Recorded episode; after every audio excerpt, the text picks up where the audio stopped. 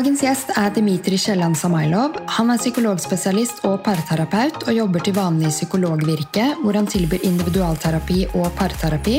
I tillegg har han skrevet boken 'Kunsten å elske ni nøkler til et godt samliv' og er nasjonal ekspert på emosjonsfokusert parterapi. Dimitri har også vært en av psykologene i podkasten Havarikommisjonen på NRK sammen med Sissel Gran, Katrin Sagen og Sindre Aasli, hvor de dykker ned i historiene til skilte par for å finne ut hvorfor det gikk galt, og hvordan det kanskje kunne vært unngått. I episoden prater vi mye om hva parterapi er, og hvilke kvaliteter en god parterapeut bør ha, noe jeg håper kan gi trygghet og noen svar til deg som hører på, som vurderer å oppsøke parterapi. I tillegg prater vi om ulike kranglestiler, og hvordan man kan forberede seg på livet som foreldre, og hvordan man kan finne balanse i å være gode foreldre samtidig som man opprettholder sitt romantiske forhold. Vi prater også selvsagt om kommunikasjon og hvordan man får til et godt samliv, og jeg håper episoden inspirerer til å investere litt ekstra i det parforholdet du er i, og at den gjør deg litt klokere på hvordan du kan bevare kjærligheten i forholdet.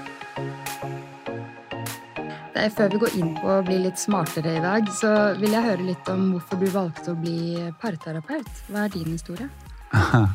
Det blir veldig personlig med en gang. Um, um, jeg tror det er, er, litt sånn kanskje for alle at uh, man velger å ikke å bli psykolog og terapeut uh, helt uten at det har noe som helst med egen historie å gjøre.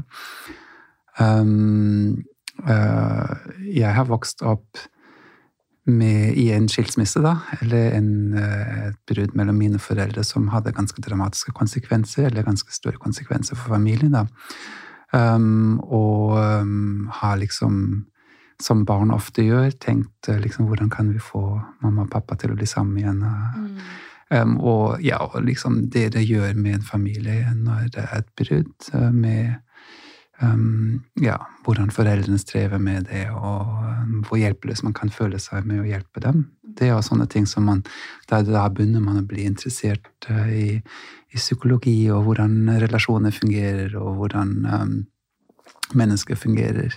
Mm. Så um, um, det er jo selvfølgelig ikke eneste grunn til, men uh, jeg tror det er en av, en av bakgrunnen til at jeg har blitt ganske tidlig interessert i hvordan funker egentlig hvordan funker egentlig dette her. Ja. Uh, ja. Det er veldig spennende. og Eh, jeg tenker at det bare er fint at du er litt personlig også, fordi når folk skal få hjelp av andre, mm. så er det litt fint å vite at man ikke snakker med en som ikke forstår egentlig hva det vil si. Ja, folk tror ofte at uh, um, psykologer og terapeuter har liksom alt på stell. Ja, det er lett å tro det.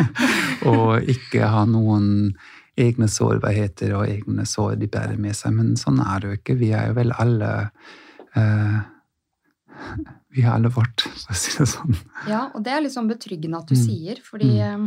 man kan ofte føle det skillet mellom dem og meg, eller ja. parterapeuten og oss. Ja, men parterapeuten er ikke veldig annerledes enn deg. Nei. Vi er alle, vi er alle bare mennesker som har de samme eh, sårbarheter, de samme utfordringene, og, eh, og prøver å få til livene våre så godt som best vi kan, liksom. Det er akkurat det. Eh, og mange har jo godt av å gå i parterapi, men det er mange som kvier seg for det. Hva tror du er grunnen til det? Um, det er mange grunner til å kvie seg for det. Ofte er, kommer folk i parterapi uh, når det har gått ganske langt. Um, når det er veldig stor tvil om de kan fortsette sammen i det hele tatt. Uh, avstanden kan føles veldig stor, ting kan føles veldig fastkjørt. Um, og da er det ofte veldig skummelt å gå i parterapi. Jeg, jeg pleier å spørre um, par som kommer til meg, hvordan det er å sitte der og komme til samtale. Og, um, og da setter de ofte ord på det at de har grydd seg litt. Um, um, for noen er det sånn at de tenker ok, nå er vi her, og det er liksom første steget mot at det er over. Mm. Det er nesten som parterapi er uh, for noen opplevd som inngang til skilsmisse, liksom til, eller til brudd. Sånn at um, det kan være veldig skummelt å, å starte den prosessen da. Um, de kan også Par har jo også som regel en erfaring med at de alltid kommer inn i samme type dynamikk, samme type krangel. Um, um, når de prøver å snakke om uh, spesielle temaer i parforhold, um, og når de begynner å snakke om parforholdet sitt og hva de savner, og hva som gjør vondt og sånt. Mm. Så de er jo selvfølgelig redd for å snakke om disse tingene i det hele tatt. Mm. Fordi at erfaring viser at det går dårlig. Og nå er jo da en fare for at det går skikkelig dårlig foran en fremmed.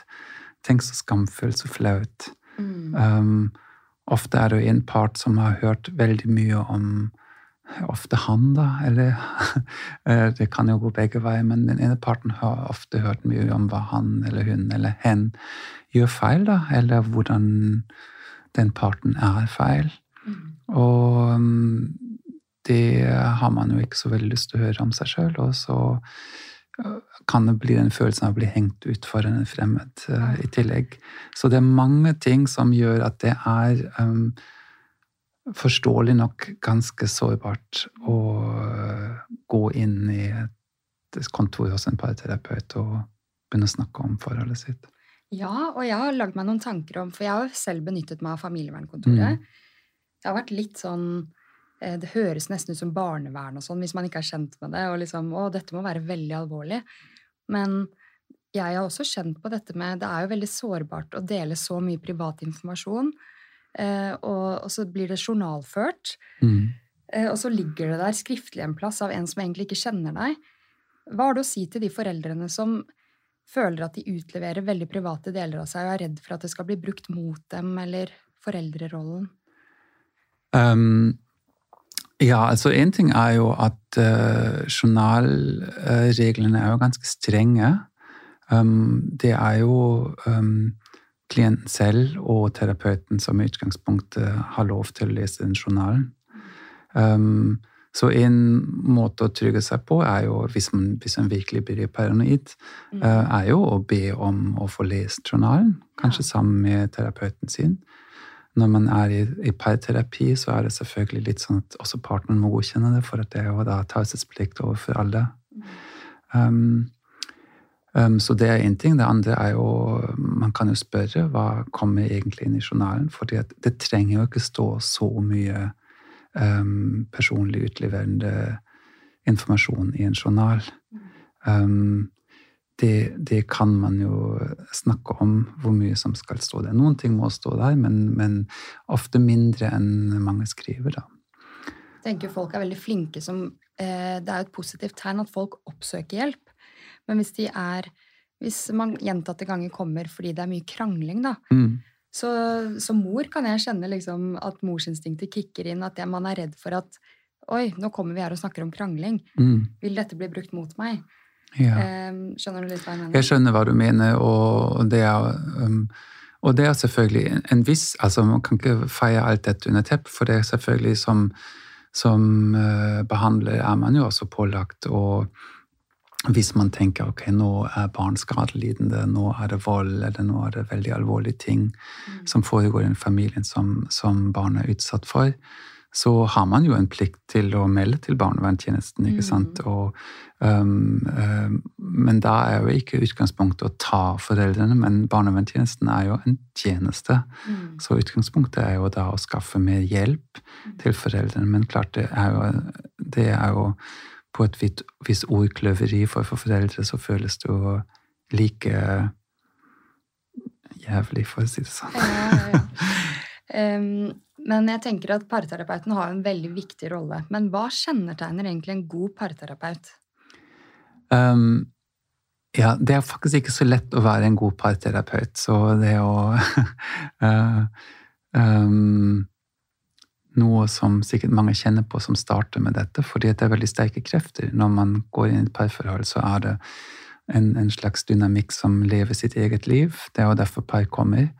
Så en ting som jeg tror er veldig viktig, er at man tør å um, ta kontroll over teamet. Man tør å styre teamet, man tør å avbryte.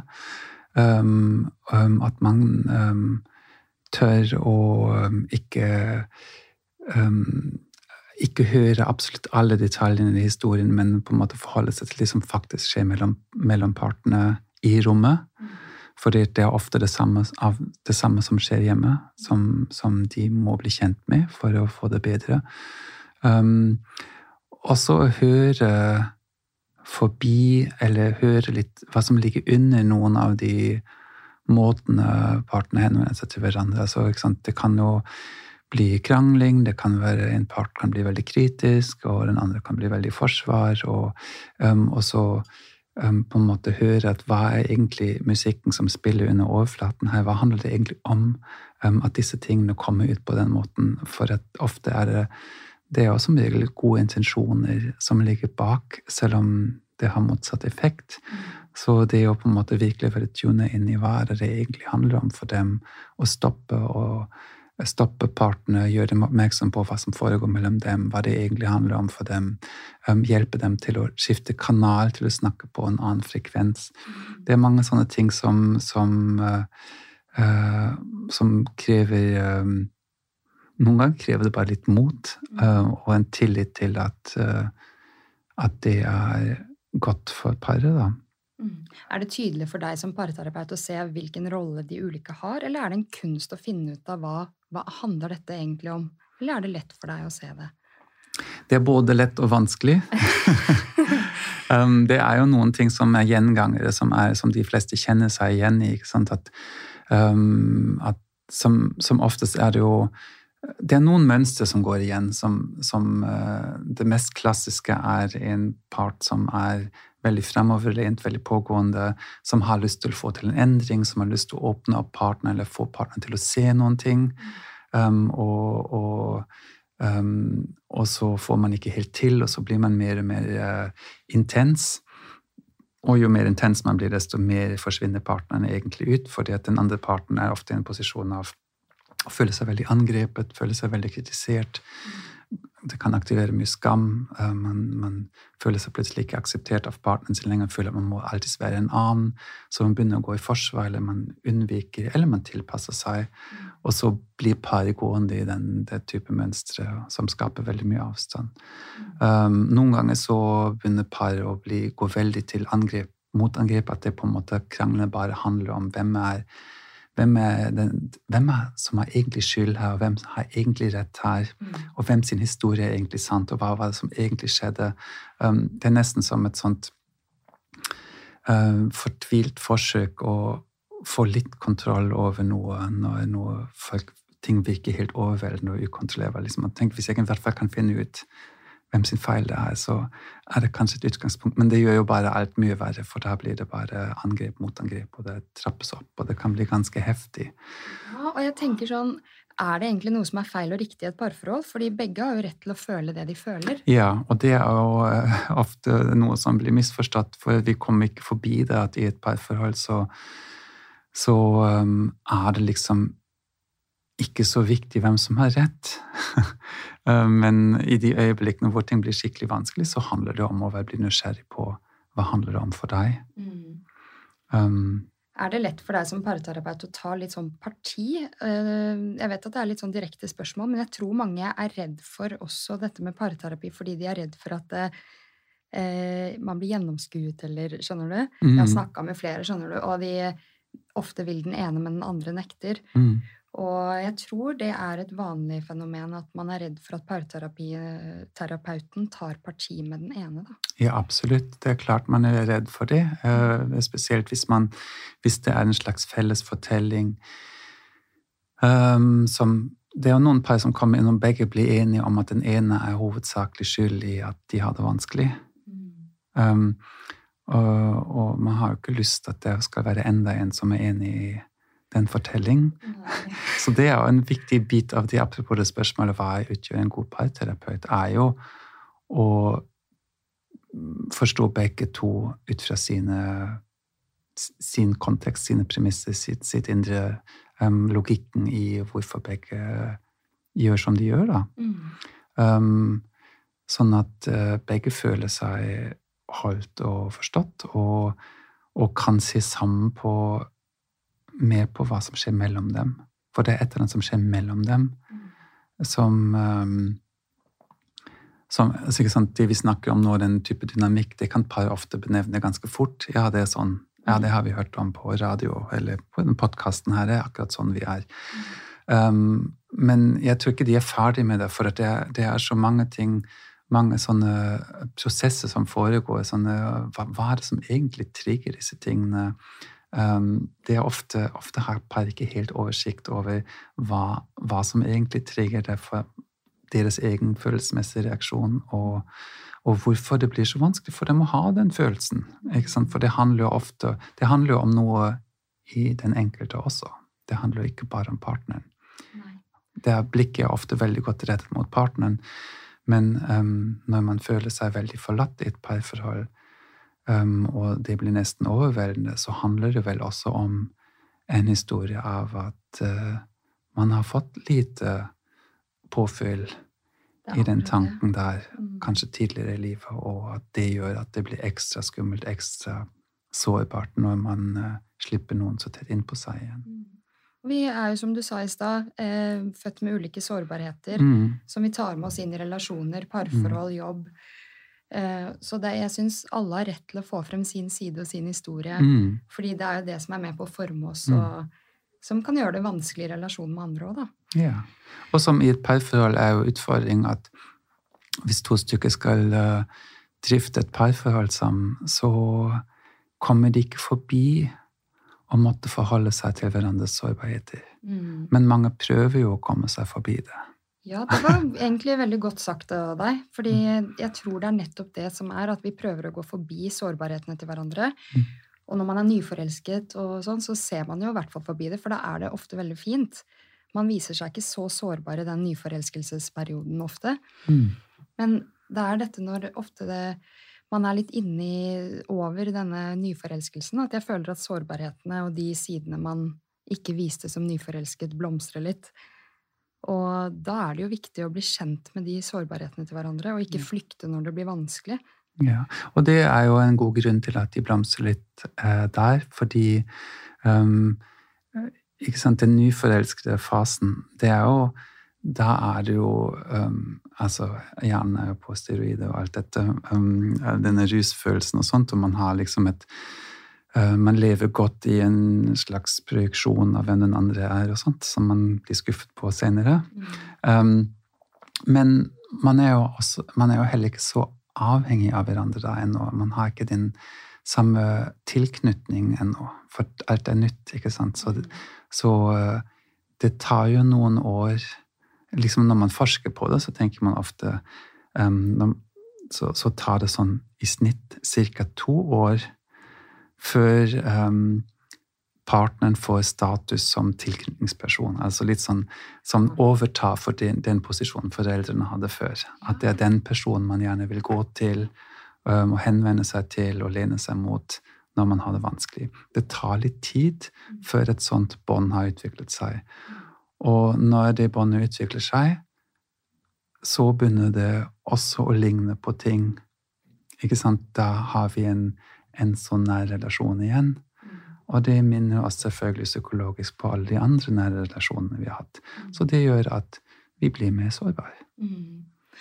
Er det noen spesifikke livshendelser eller overgangsperioder som kan føre til økt behov for parterapi, tenker du? Ja, vi har noen klassikere. Ja, for det. altså Bortsett fra det noen par som kommer i terapi som har hatt det vanskelig fra begynnelsen av.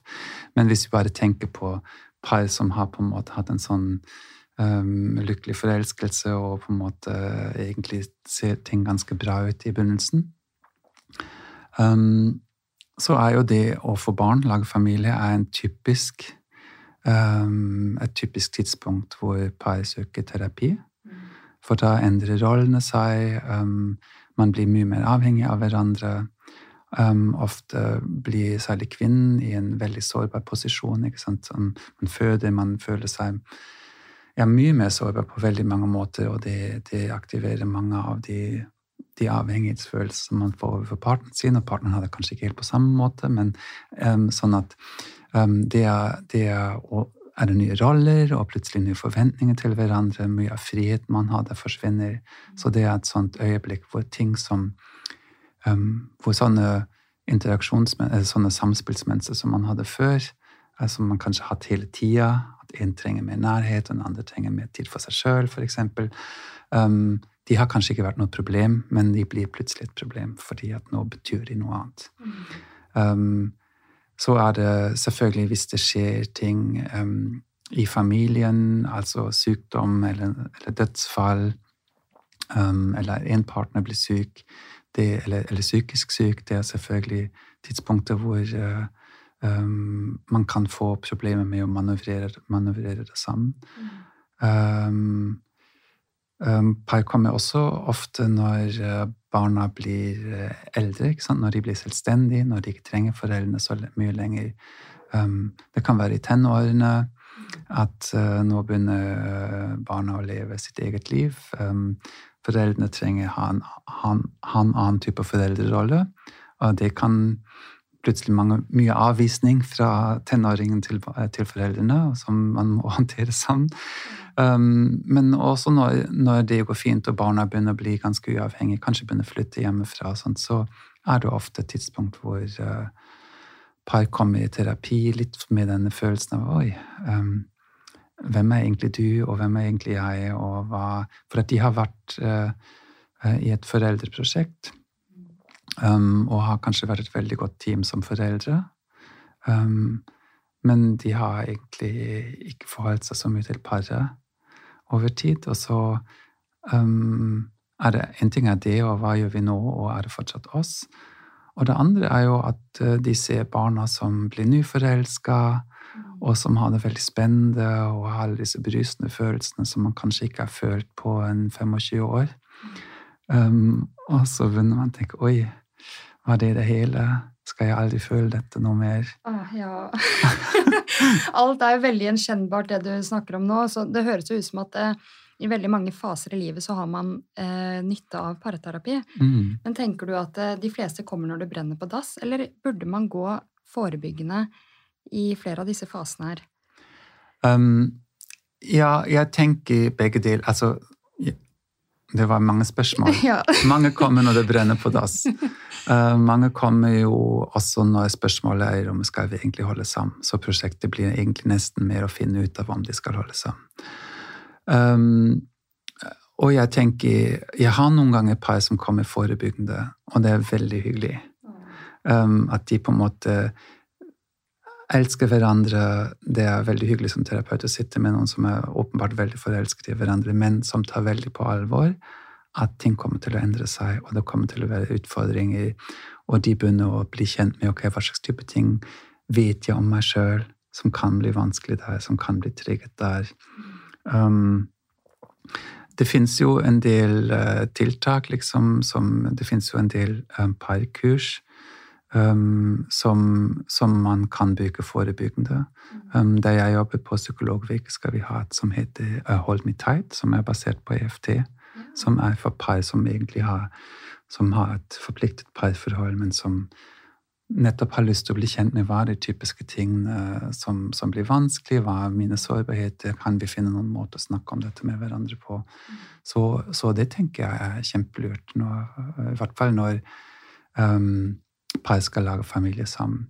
Hele parterapifeltet jo, oppsto jo egentlig i den konteksten av at man tenkte ok, um, før par gifter seg, så bør de ha noen samtaler mm. til å finne ut om de skal gifte seg. Ja, det visste jeg ikke. Som eventuelt kan Men når er det parterapi på en måte ble et uh, yrke rundt om i verden?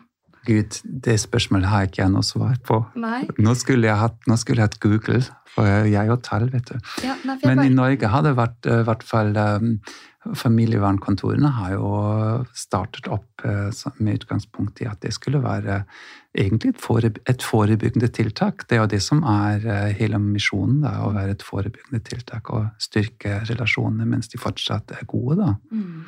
Og det finnes noen kurs som Modern Bad har noe som heter PREP-kurs, ja. som også er for nye par, egentlig, som man skal eh, styrke relasjonen mens den ennå ikke er blitt vanskelig. da. Burde jo nesten vært pålagt å gå i parterapi før man får barn, for man vet jo at det er en stor omveltning uansett mm. hvor mye man forbereder seg. Og, ja, folk elsker å få pålagt ting, da. Ja, men jeg, og så er det liksom Vi søker hjelp når vi har vondter uh, fysisk, men så mm. sitter det så langt inne, og søke hjelp ofte når det er det som står oss nærmest. Mm. Seksuell helse, parforholdet, familiesituasjonen. Mm. Eh, Jeg håper det blir en endring på det etter hvert, og at det kan bli enda mer normalt å oppsøke hjelp.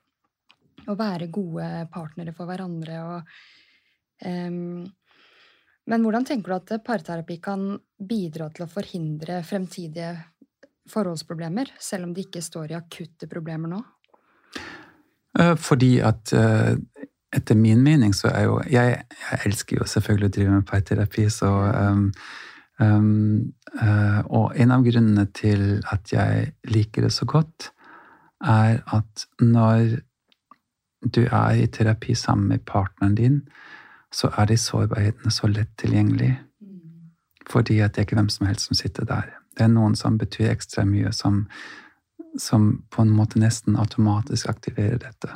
Så det gjør at det er mye lettere å få øye på det og bli oppmerksom på um, egne ting. Og så lenge um, forholdet ikke er vanskelig, så er det lettere å tillate seg å bli kjent med det og snakke med partneren om det. Og det å vite, ha oversikt over hva slags type ting er typisk vanskelig for meg. Hva er det jeg egentlig kommer inn i? Hva handler det egentlig om for meg? Um, hva slags type um, udekkede behov er det som ligger der? Hva slags type tema som blir aktivert for meg? Um, og hvordan pleier jeg å reagere når dette kommer opp? Jo mer oversikt man har over det, desto mer valgfrihet har man også. Mm. Når man ikke vet om det, så handler, handler man bare på autopilot. Så det å bli kjent med dette relativt tidlig gjør det jo mye lettere å håndtere det senere. Mm. Og så er det ikke så, det er ikke så mye, det er ikke så mye jobb som når det har kjørt seg ordentlig fast. Nei, det er det. Jeg lærte jo dette at barndom og oppvekst har veldig mye å si for hvordan du blir i voksen alder. Det var noe jeg ikke tenkte over før. Men samboeren min sier jo det at du var så rolig, du var så zen når vi var sammen. Mm. Eh, og han har sagt at det er ikke så mye fysisk som har endra seg på meg etter jeg ble mamma, men psykologisk merker han en stor endring. Og det gjør jo jeg også, men liksom Det er jo det tredje skiftet som man tar kontroll over, gjerne kvinnen i hjemmet, da. Mm. Eller en av partene, hvis det er mann og mann eller dame og dame. Mm. Men ofte så er det en som tar ansvaret for det tredje skiftet. Og så er det jo alle disse bekymringene og det store ansvaret som er enorme endringer. Ja. Og det kjenner jo jeg masse på, så jeg er jo mye mer stressa. Angst er baksiden av kjærligheten. Her. Ja! Det er, det er jo prisen man betaler for kjærligheten. Mm. Det er jo også sorgen eller angsten som følger med, da, føler jeg. Så det er vanskelig å finne en balansegang der på hvordan kan man bli mer seg selv igjen, liksom, etter man får barn. og hva tenker du sånn med å pleie parforholdet? Hvordan kan man stå stødig i denne foreldrerollen? Um, det er et gigantisk spørsmål. Ja, vi har god tid. Jeg har god tid med det. Her er spørsmål som kommer fra hjertet mitt. sukk.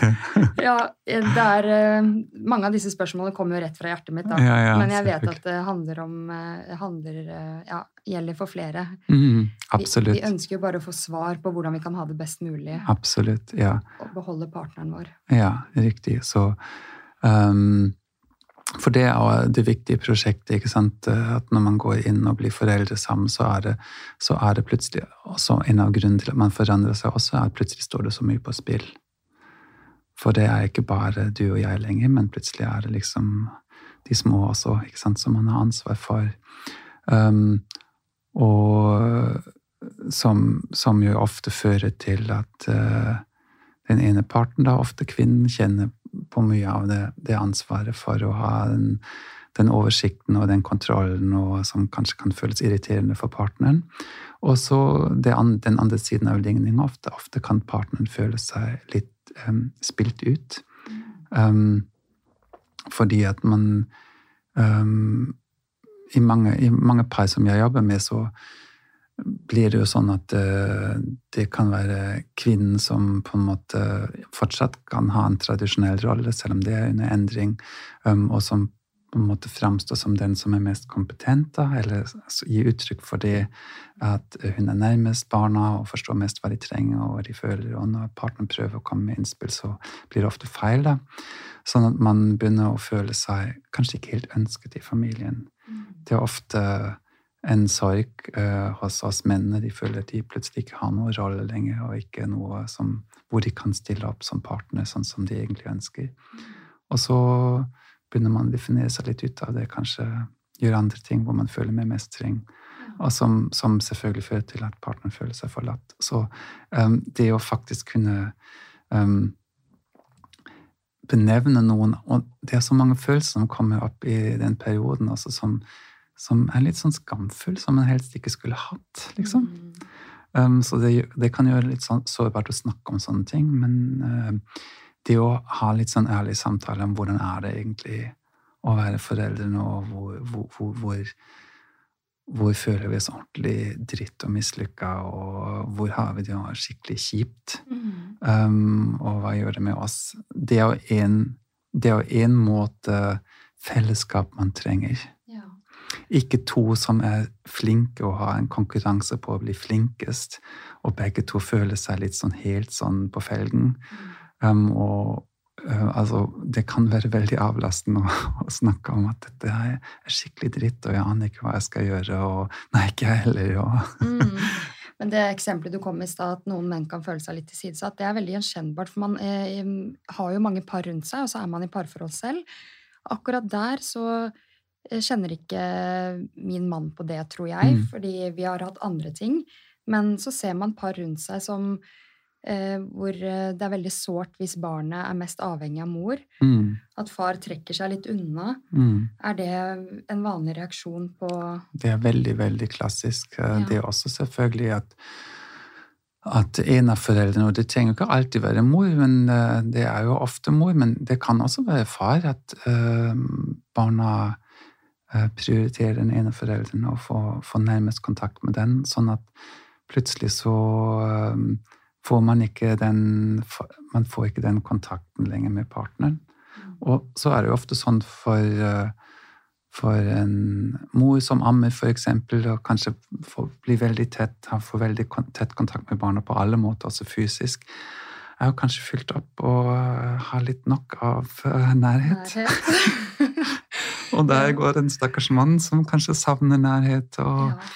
og, og så Kanskje man gir litt klønete uttrykk for det å legge an på partnerne, kanskje vil ha sex eller vil ha en eller annen måte erotisk kontakt, og så blir man avvist på det, og så blir det liksom sånn um, At det blir litt sånn feil. Det som mm. før var fint, mm. er plutselig feil. Mm. Og liksom opplest og vedtatt. Man kan, man kan si til partneren sin 'Nå må du skjerpe deg. Nå er vi foreldre. Nå er det noe annet som er viktig. Nå må du slutte å mase om dette her.' Um, uh, det er et hav av problemer når man eh, er i parforhold og får barn. Eh, og ofte så kan man Krangling er jo sikkert noe du møter mye på. Mm. Hvorfor blir det så fort konflikt og krangling etter man får barn? Um, ja, det kan jo ha mange grunner. Um, um, altså, en ting er jo selvfølgelig, hvis vi bare starter med det helt enkle Stressnivået er mye høyere. Du sover mye mindre um, du er mer sårbar. Mm. Um, det er mye vanskeligere å være sindig og um, klok og alle disse tingene hvis du allerede er overveldet. Mm. Hvis, og det er jo det som veldig mange småbarnsforeldre står i, at de er allerede overveldet. Jeg har ikke sovet nok. Eh, døgnet har ikke nok timer. Um, hver gang du tror du har kontroll på noen ting, så skjer det noe nytt. Eh, Forutsigbare dager, Det er bare rot. Så du er kjempestressa. Mm. Ditt toleransevindu for at noe nytt skjer, er mye mindre. Mm. Um, og hvis partneren da sier noe dumt, um, så er det så klarer ikke å gjøre det som du gjorde før, med å bare legge det vekk. tenker jeg, jeg mente det ikke sånn, eller jeg mente det ikke sånn. Da fyrer du med en gang. Um, det er den enkleste grunnen som jeg tror nesten alle jo, men jeg tror vi trenger å høre det. Ja. At det er så Det er bare sånn det er. Vi har begrenset kapasitet, vi har et begrenset toleransevindu, og når vi er stressa, så blir det veldig, veldig smalt. Mm. Og um, det, det, jeg tror du har rett at folk trenger å høre og ta det inn, fordi at uh, det er noe også å ha i bakhodet når partneren plutselig mister det, liksom og klikker, eller at du kan legge det på den kontoen, ikke sant? Ja.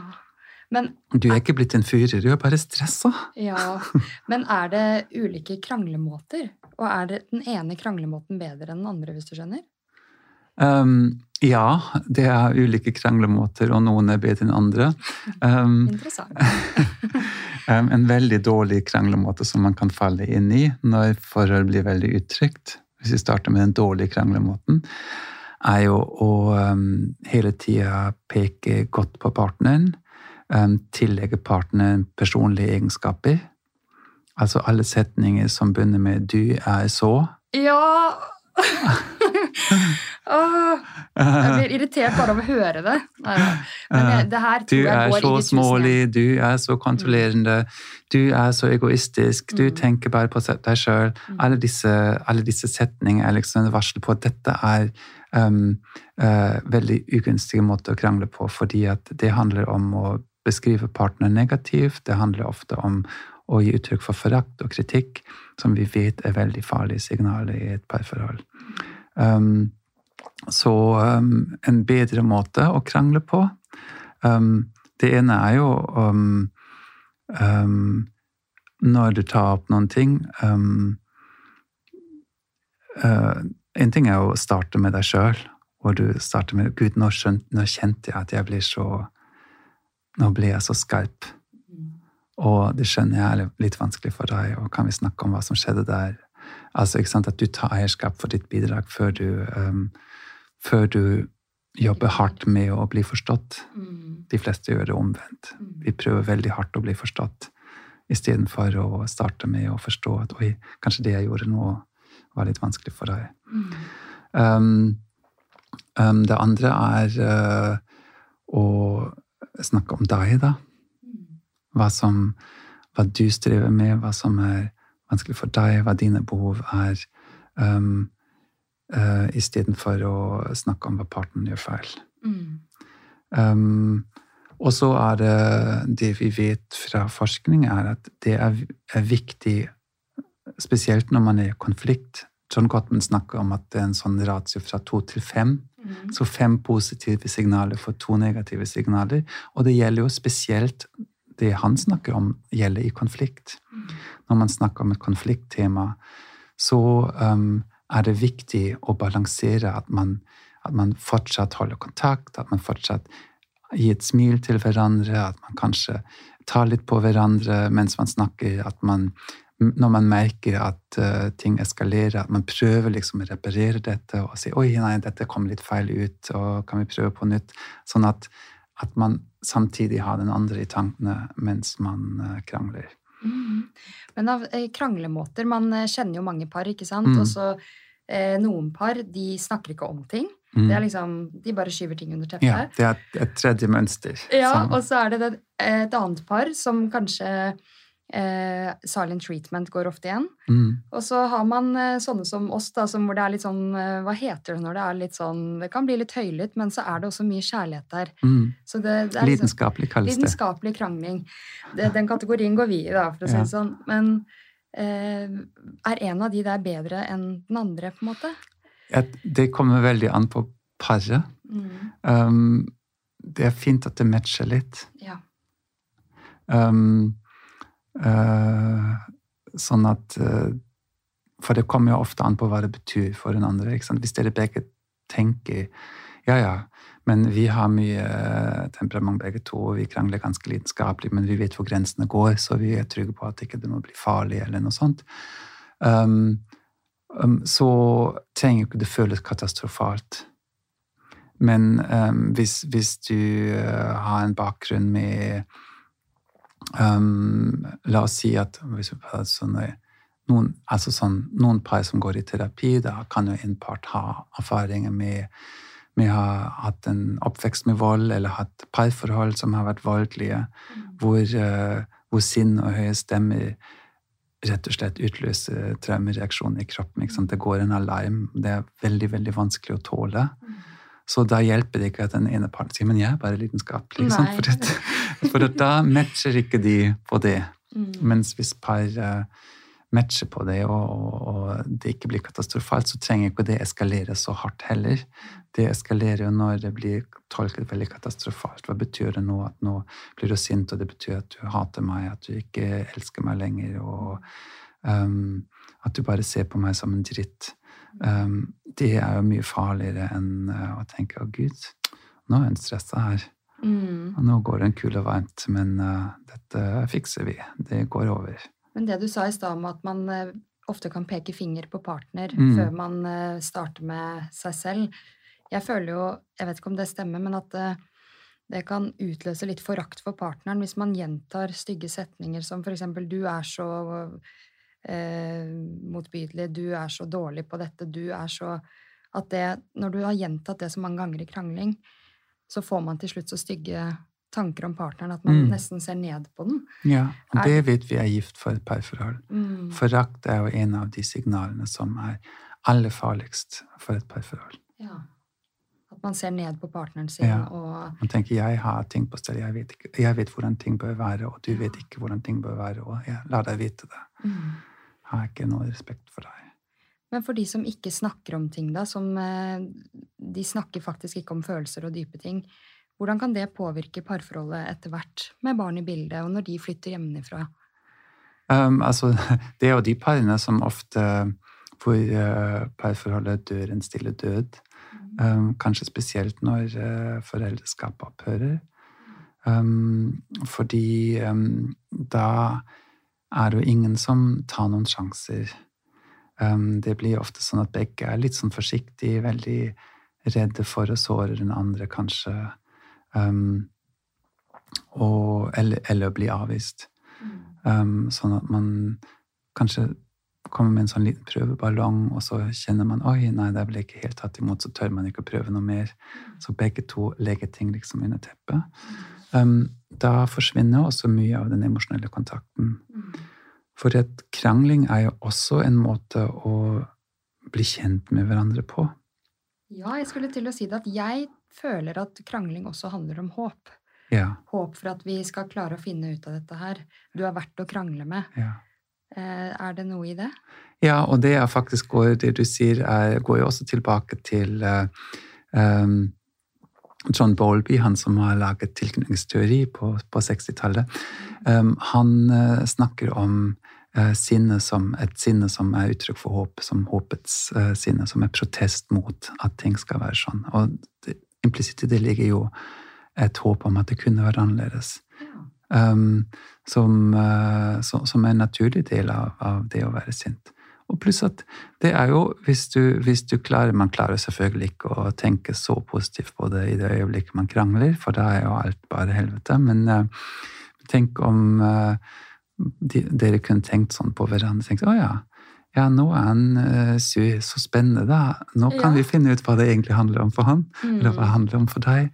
Nå har jeg en mulighet til å bli kjent med, for at da skjedde det et eller annet som var tydeligvis veldig veldig viktig, som traff et sårt punkt hos mm. Og kanskje jeg kan bli kjent med hva det var for noe. Mm. Her om dagen hadde jeg et emosjonelt øyeblikk. Jeg vet ikke om det var PMS eller hva mm. det var som var årsaken, men da hadde vi en diskusjon, og jeg begynte å gråte, og så fikk jeg beskjed om Eh, for jeg fikk litt sånn tanker sånn hva, Hvor er vi når barna flytter ut mm. om 15-16-17 år? Mm. Fikk litt mørke tanker da. sånn, mm. Hvor er vi da? Er vi kommet til å vare? Mm. Og så sa han, men Tina, se på reaksjonen din nå, da. Du gråter. Det, det betyr at det, det, her betyr så mye for deg. Og han klarte å se på det som noe wow. fint. Eh, Hvordan var det for deg, da? Det var veldig Han bekrefta noe som jeg ikke så helt der og da, da. For jeg hadde jo bare bekymring. Hvor er vi om 15 år?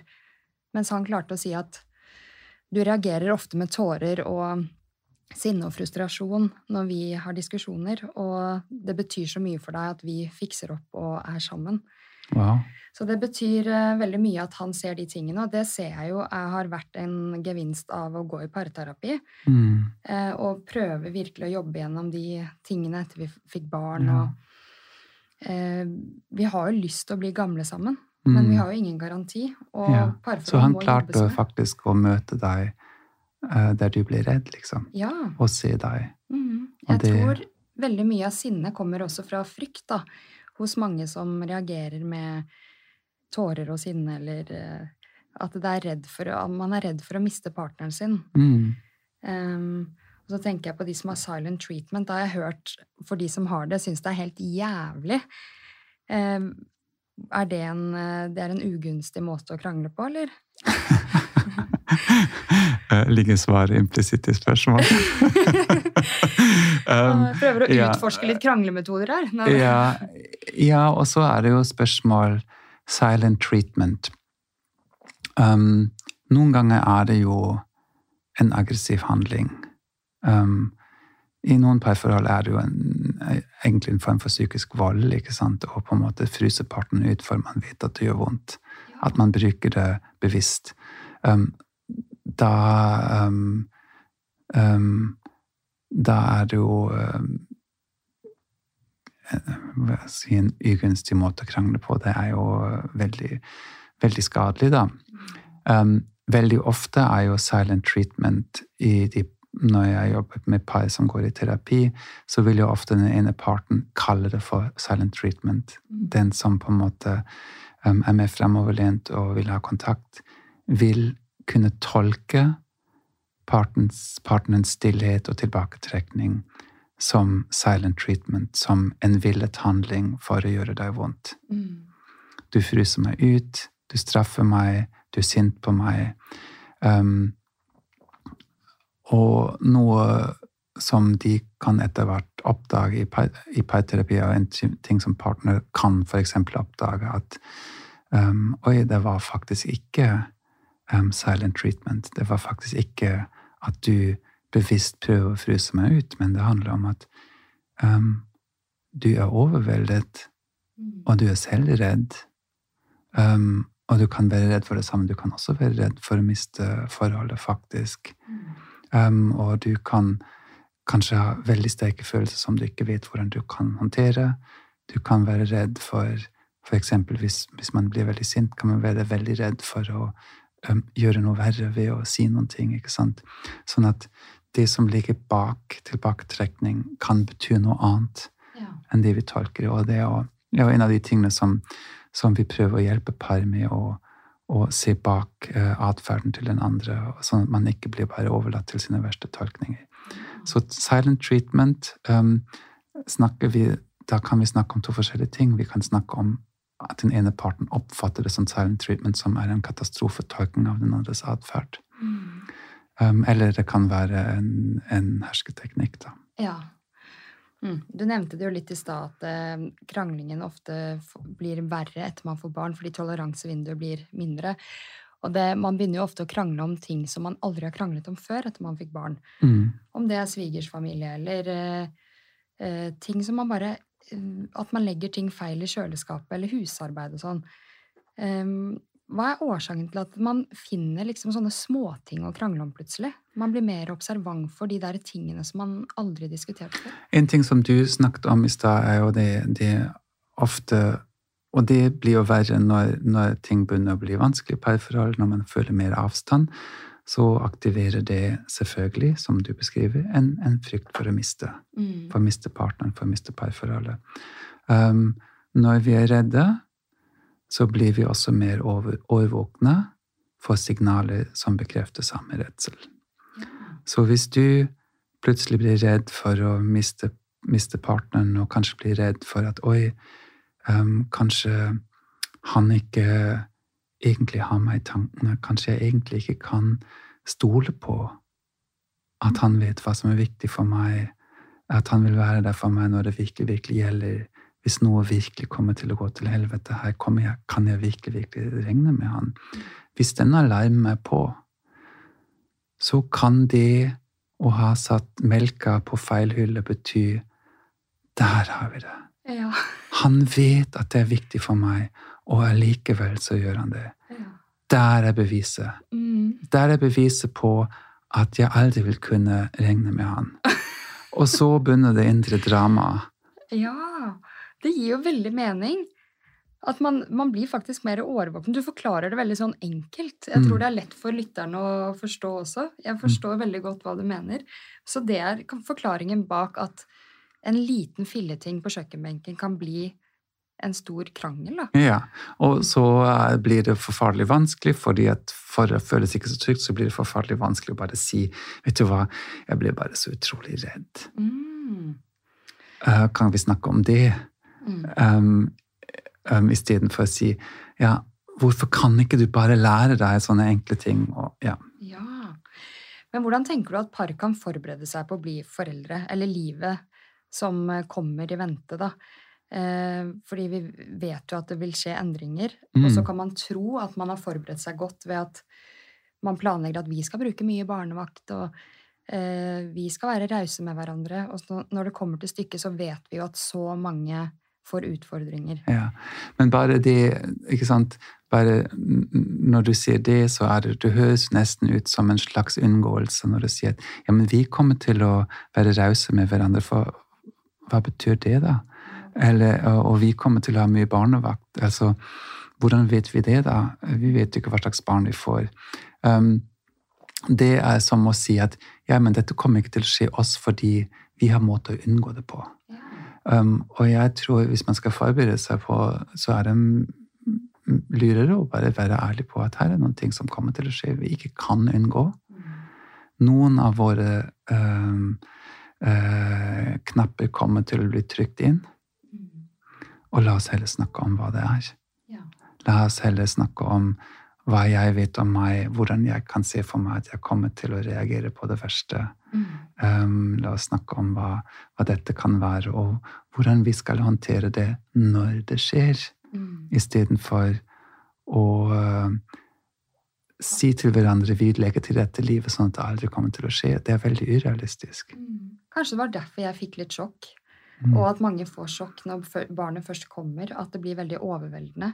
Fordi man har trodd at man har eh, strategier for å klare alle utfordringer best mulig. Og mm. så innser man at ja, men når du sover dårlig på tredje måneden for rad, så er det ikke til barnevakt som alltid. Altså, da blir du den du blir, da.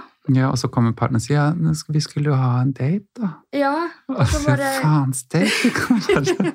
det er ikke en date du vil ha på når du er Jeg vil sove! jeg vil på date alene. mm. Men hvordan kan vi finne balanse i å være gode foreldre og opprettholde eh, det romantiske parforholdet? En ting um, som jeg tror er viktig, er um, å faktisk prioritere paret. Um, selv om det er fristende å legge det på is i noen år.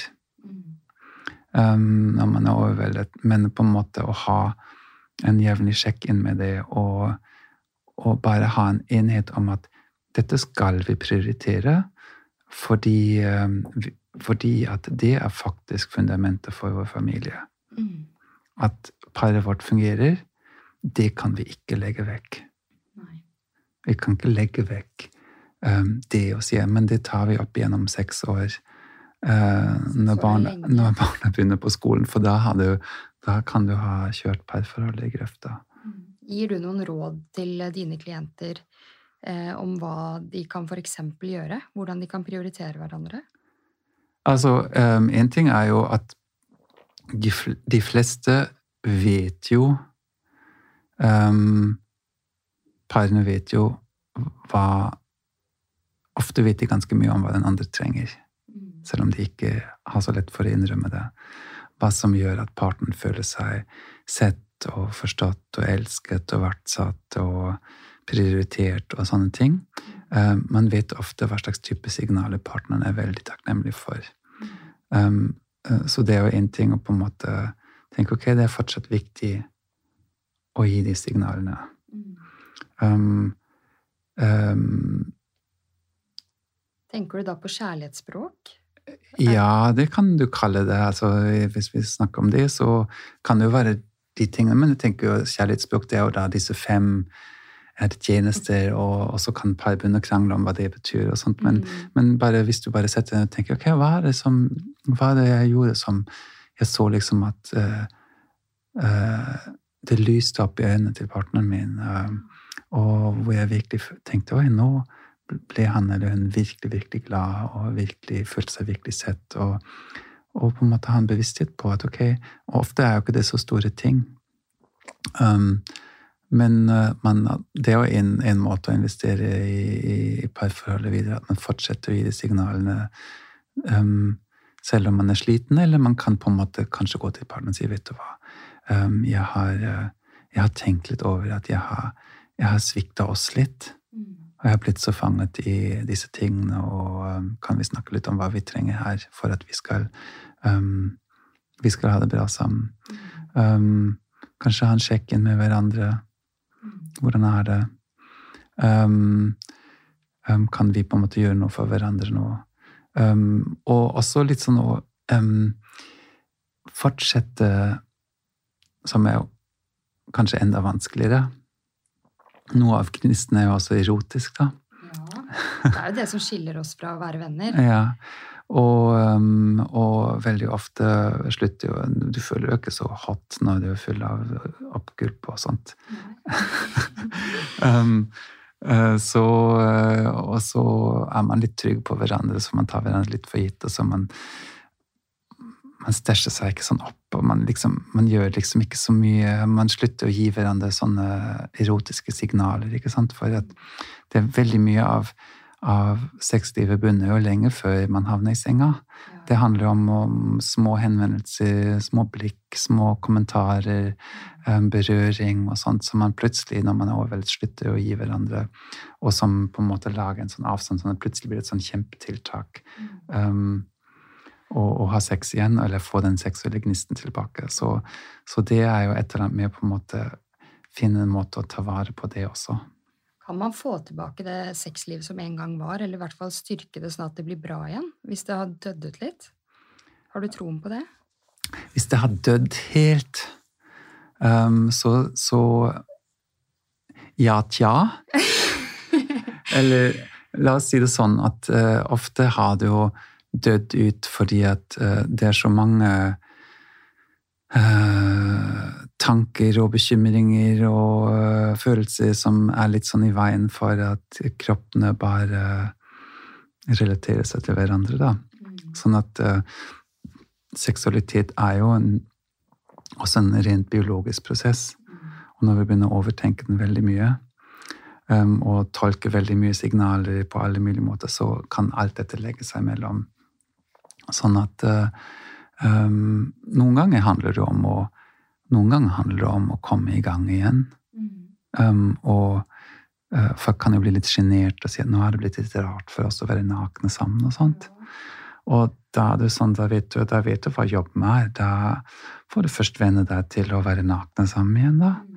Um, og kanskje begynne å um, ta på hverandre igjen.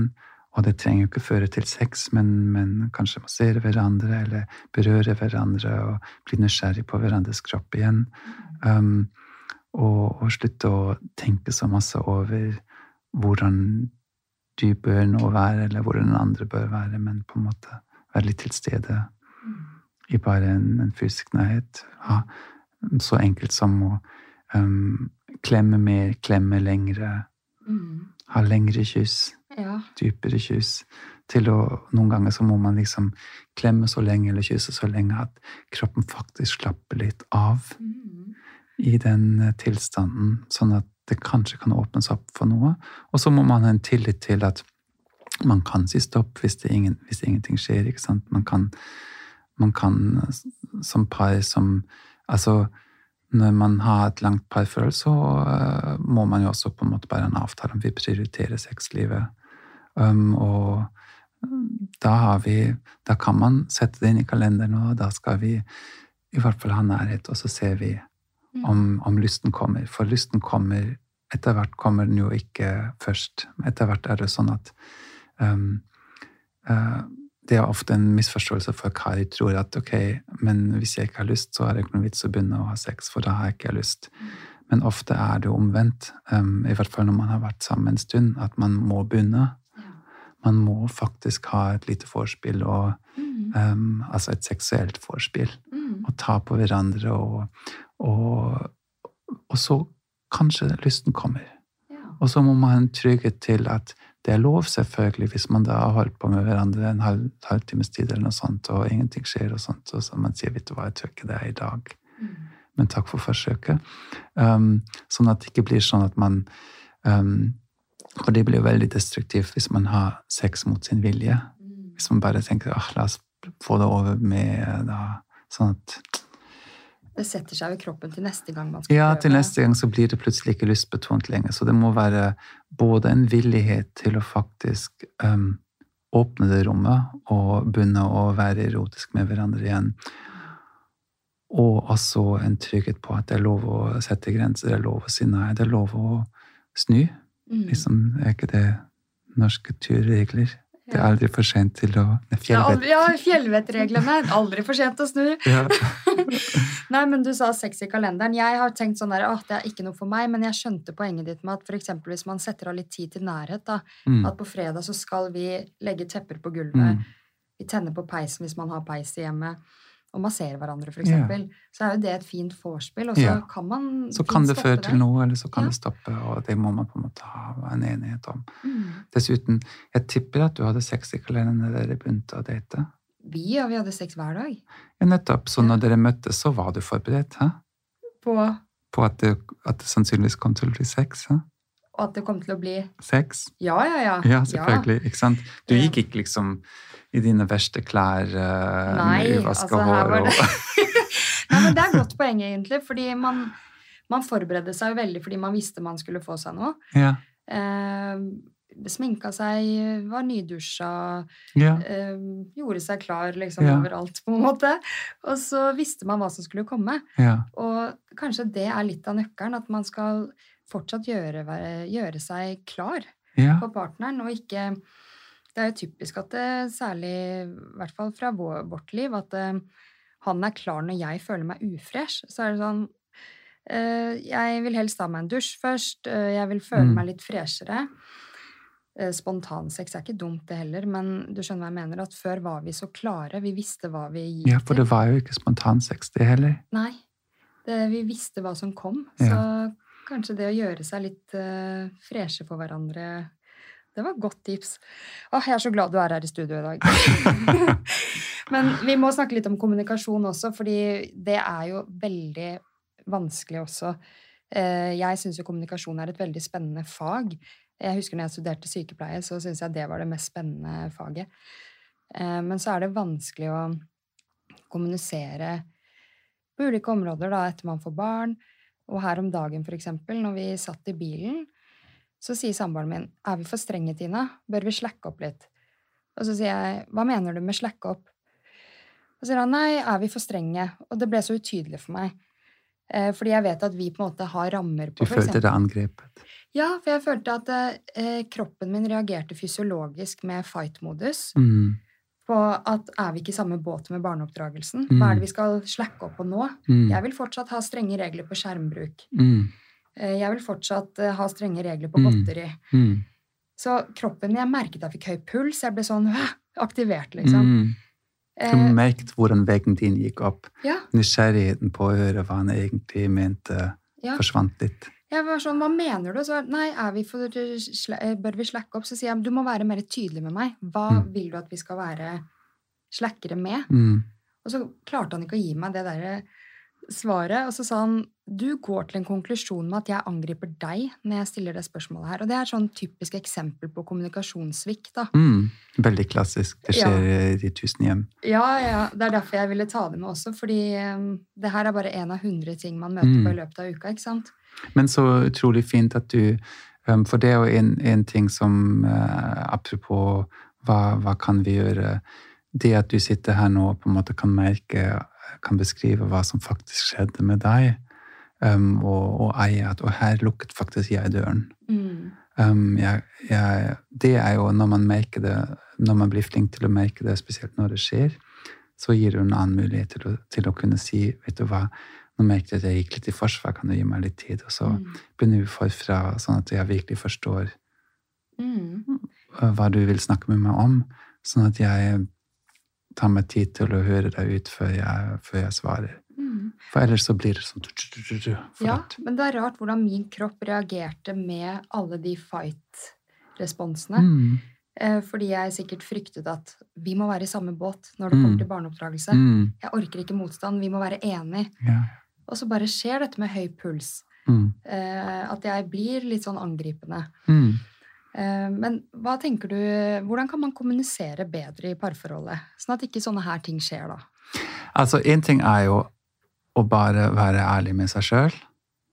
At sånne ting kommer til å skje. Det er jo helt uunngåelig at sånne ting skjer. Hvis vi er i et parforhold og kommer nær hverandre, så kommer vi til å tråkke på hverandres tær. Vi kommer til å gå rett inn på hverandres trygge punkter, og vi kommer til å reagere litt sånn. Så det er faktisk ikke et problem. Um, problemet er jo Problemet får jo par når de ikke får reparert det. Ja, det ville jeg faktisk spørre deg om. At, hvordan vet man hva et vanlig forholdsproblem er, kontra når man må oppsøke profesjonell Ja. hjelp? Da? Fordi at, at man plutselig har en krangel eller et eller annet, og noen kommer med en kvass kommentar eller gå går i forsvar og sånt. Dette er jo helt uunngåelig. Spesielt i en små, småbarnsperiode.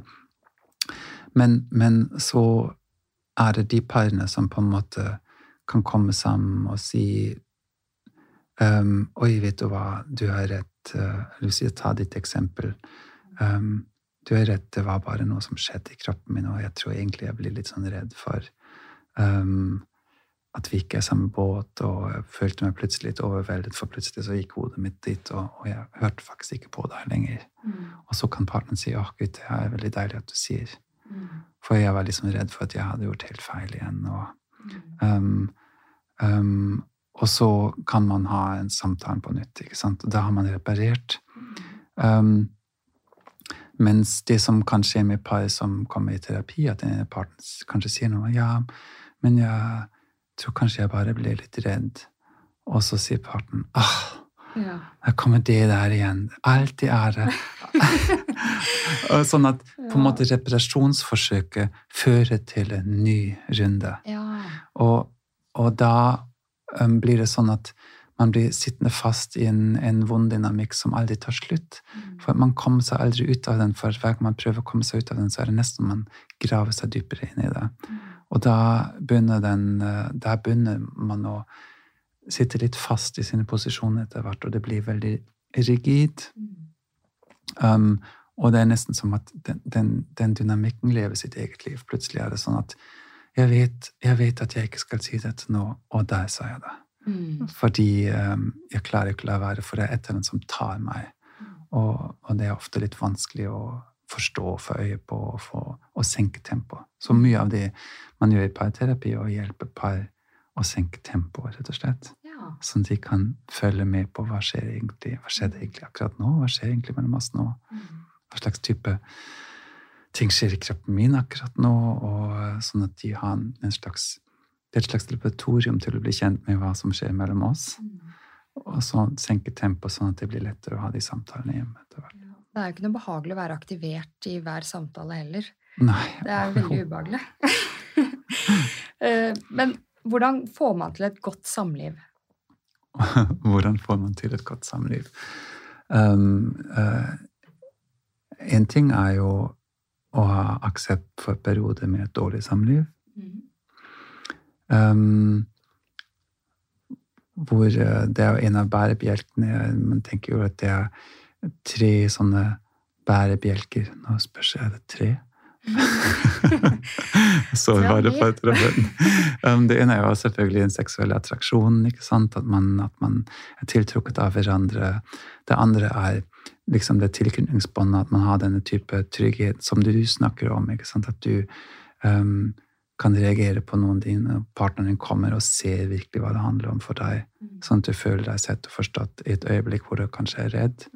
um, som skaper en form for trygghet. ikke sant? Sånn at og det tredje er jo forpliktelsen, som, eh, altså the commitment, at begge partene har virkelig, virkelig valgt hverandre, som, som eh, hjelper å um, holde ut i perioder hvor parforholdet ikke er så godt. Da.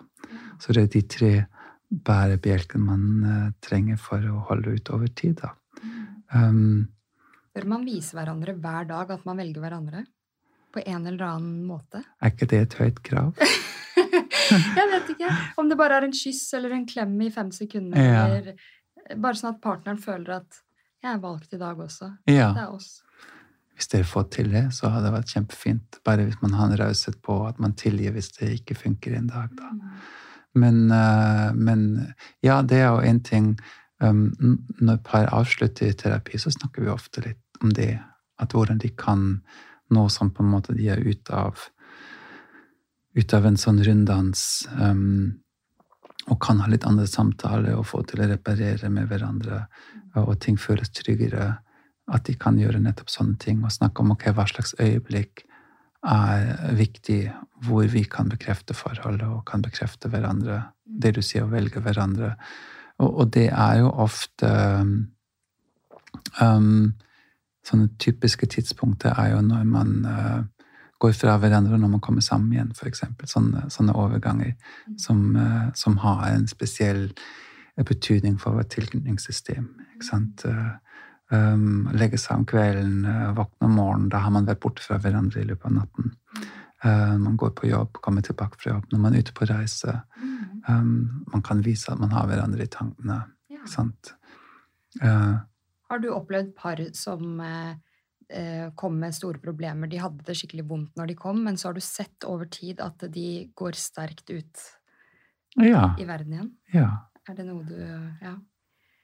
Er det, Det er er, det, det- er det vanlig at du opplever det, på en måte? Eller?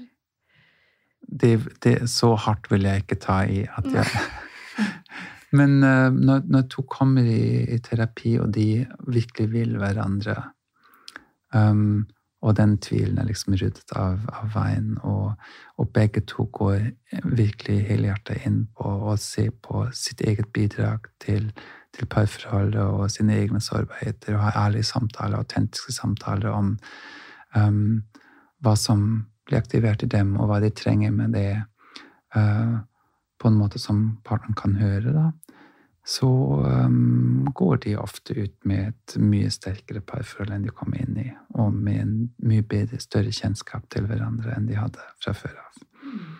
Og nå kommer tusenkronerspørsmålet mitt. Mhm, ok. Hvordan kan man finne tilbake til kjærligheten og bevare den livet ut?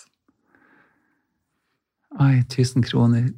Livet ut var, en ting er at livet ut var jo mye enklere før, når vi døde da vi var 30. Da dør jeg neste år, da, så det er greit.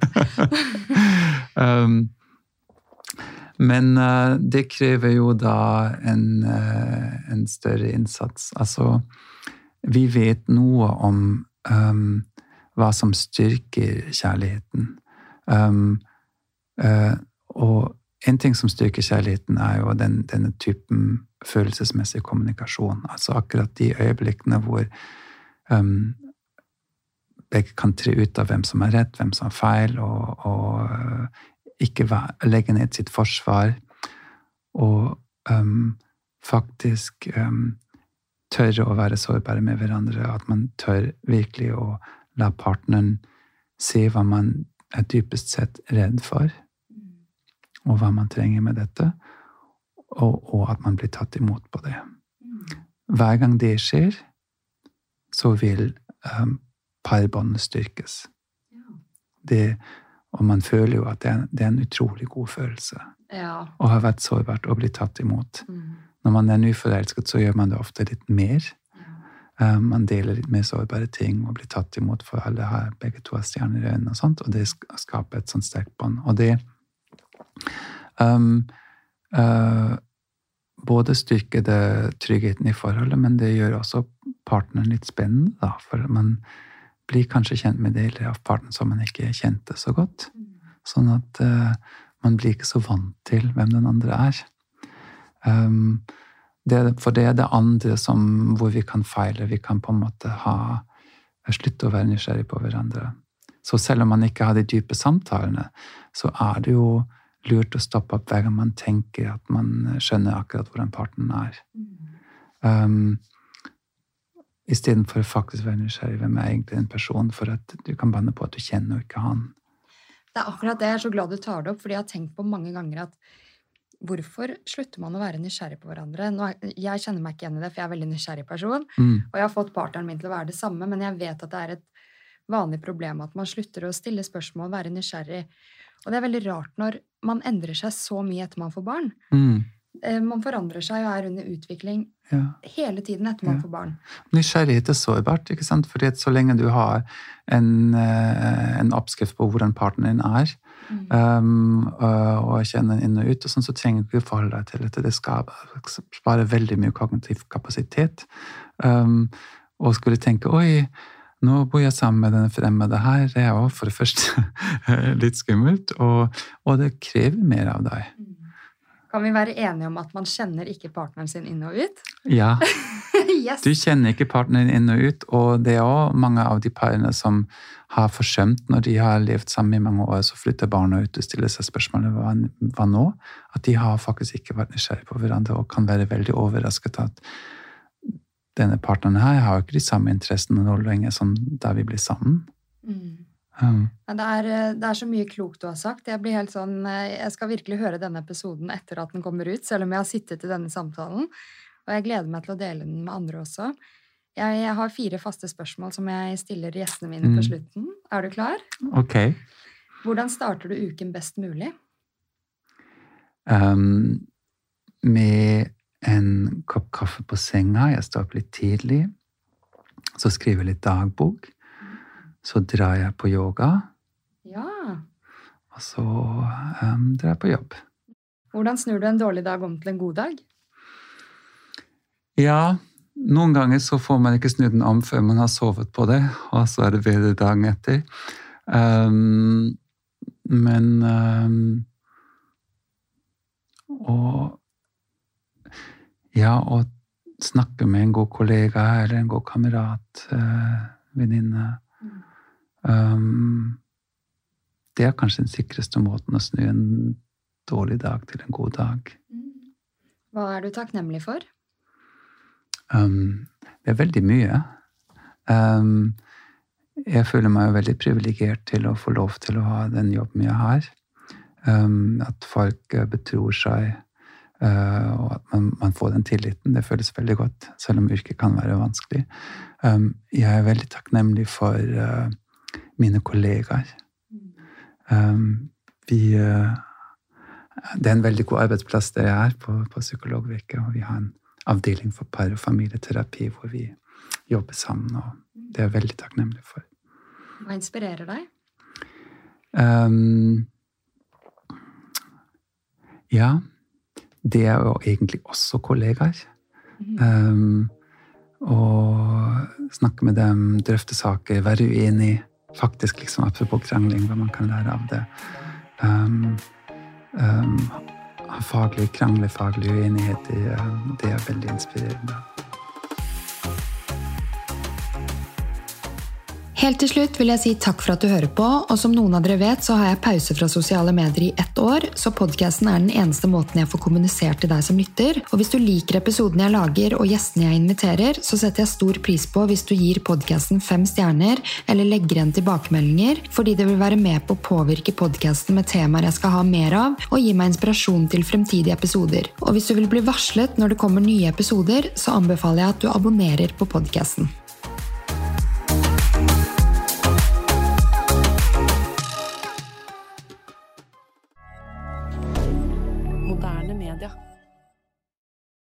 Har du et enkeltpersonforetak eller en liten bedrift? Da er du sikkert lei av å høre meg snakke om hvor enkelt det er med kvitteringer og bilag i fiken, så vi eh, gir oss her, vi. Fordi vi liker enkelt. Fiken superenkelt regnskap.